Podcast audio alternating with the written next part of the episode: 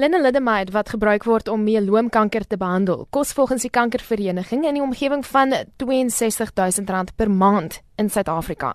In Bengaluru, Indië, noem ek die aan Dr. Sridhar Bopaya Sushila.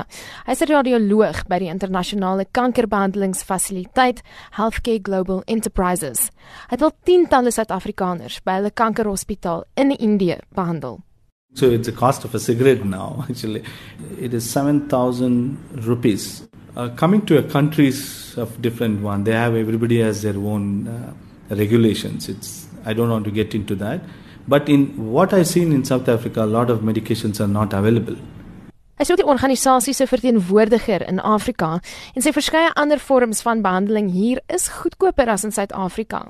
Daar is selfs gevalle waar die nodige medikasie bestaan, maar nie beskikbaar is nie omdat dit te duur is. See, the rituximab, bendamustine is become very, very cheap. Rituximab, so I remember uh, 10 years back, 10 patients comes, not even one patient was able to afford. Less than 10% was the affordability. All these drugs are life-saving drugs and it actually it makes a lot of difference for the patient in terms of survival as considered or uh, progression-free survival is considered. Reddy's is one of the one which started rituximab biosimilar drugs and afterwards a lot of companies have come up and at least 80% of my patients still can take these drugs Die Kankeralliansie se Access Campaign koördineerder, Salomi Meyer, sê na 'n lang stryd is daar steeds geen vordering in toegang tot lenalidomide nie. Ek dink vir sekere mense is dit omtrent soveel soos wat jou maand se drank of se pakkie sigarette kan wees. Dit is onbeskryflik eintlik. Dis al wat mens kan sê. Sy sê verskeie elemente moet oorweeg word. Die een is vanuit 'n regsgeleentheid uit om te kyk wat kan gedoen word in terme van die patenteregwet.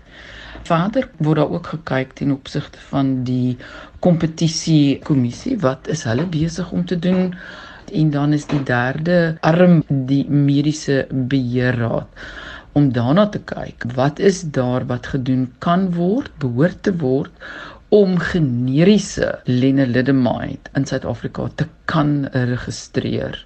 Meyer sê verskeie middels is slegs as duur oorspronklike produkte beskikbaar.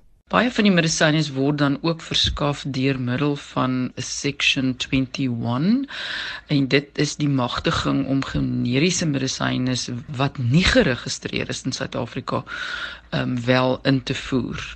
Wanneer daardie middel dan in plaaslik in Suid-Afrika geregistreer word, verval die Section 21 vir enige pasiënt en dit is dan juis dan wanneer daardie medisyne so duur word. Ek het juis gehoor dat daar is planne om van die verdere medisyne wat gebruik word vir veelvuldige mieloom ook op dieselfde manier um, te laat registreer Die wysigingswet in die verband gaan volgens Dokters sonder Grense se sogenaamde Access Campaign eers in die omgewing van 2021 goedgekeur word. Meyersel gaan aanhou druk toepas op die proses. Ons moet baie versigtig wees dat daar nie druk kom van ander groepe soos uit Amerika uit of selfs ook van die industrie af dat die industrie vir ons sê ja, maar 'n verandering van die patentreg is nie eintlik wat ons nodig het nie. Ons sal ons oë hou op wat ons moet doen om seker te maak dat ons wel toegang kry vir medisyne deur middel van die patentreg wysigings. In die hospitaal in Bengaluru is 70 tot 80% van alle behandeling generies. India is one of the largest uh, healthcares where we have seen that generic medicine has revolutionized. I'm very, very promoter of generic medicines because accessibility for the general public becomes more. It has its own problems. The innovative medication medicines that becomes expensive. Efficacy has been uh, proven beyond doubt except for 1 to 2%. It is just definitely uh, equivalent. Tog waarskynlik dat die kwaliteitbehandeling nie in die slag mag bly ter wille van bekostigbaarheid nie. Die hospitaal volg verder 'n beleid dat niemand wat om hulp kom aanklop weggewys word nie, insluitend die armstes van die armes. We play with volumes, capacity utilization.